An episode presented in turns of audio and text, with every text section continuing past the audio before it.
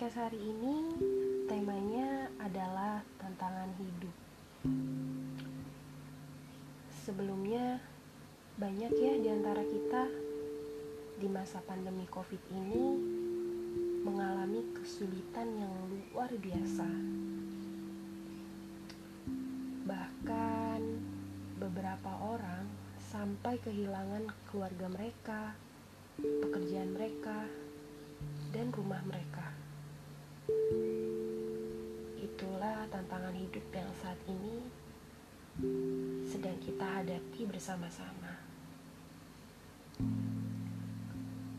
Dan aku sangat mengapresiasi kalian yang telah bertahan sejauh ini. Meskipun sulit dan begitu pilu dirasakan, tapi sejujurnya kalian adalah orang yang terpilih dan sangat luar biasa. Oke, ngebahas tantangan hidup.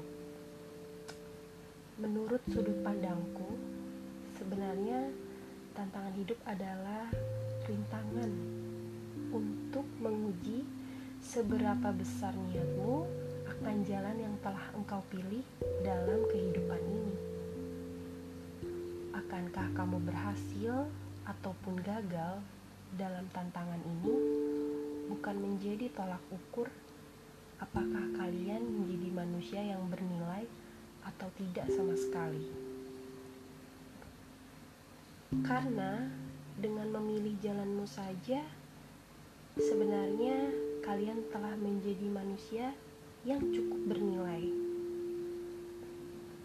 Karena dirimu telah cukup berani untuk berprinsip dalam memilih jalan hidup kalian masing-masing. Contohnya, seorang ibu yang melahirkan, ibu tersebut memiliki tantangan untuk melahirkan insan manusia di dunia ini. Kedua, seorang guru memiliki tantangan untuk mencerdaskan anak bangsa. Ketiga, seorang dokter memiliki tantangannya untuk menangani kesehatan pasiennya. Anak TK pun memiliki tantangannya ketika dia masuk ke dalam kelas tanpa harus didampingi ayah ataupun ibunya. Terakhir, seorang pria dewasa yang jatuh cinta. Dia pun memiliki tantangannya untuk memperjuangkan cintanya.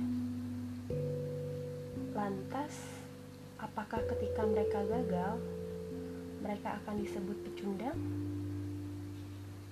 Menurutku tidak. Justru di situlah nilai dari tantangan hidup. Berhasil ataupun gagal, mereka memiliki nilai tersendiri. Karena di setiap tantangan ada tanggung jawab moral yang dilakukan. Tantangan hidup tidak mengenal usia, baik muda atau tua, kaya atau miskin, pejabat atau para pekerja serabutan. Oleh sebab itu, tantangan secara tidak langsung ada pelajaran bagi manusia itu sendiri agar tetap mawas diri dan selalu mengingat bahwa semua yang telah dilakukan memiliki ketetapan dari Sang Maha Kuasa. Manusia hanya bisa berencana, tapi rencana terbaik adalah milik Tuhan yang Maha Esa. Jika kita percaya adanya Tuhan, pasti kita pun memiliki keyakinan bahwa Tuhan yang Maha Esa tidak akan pernah memberikan luar batas kemampuan hambanya. Karena dialah yang maha mengetahui segala sesuatu di alam semesta ini.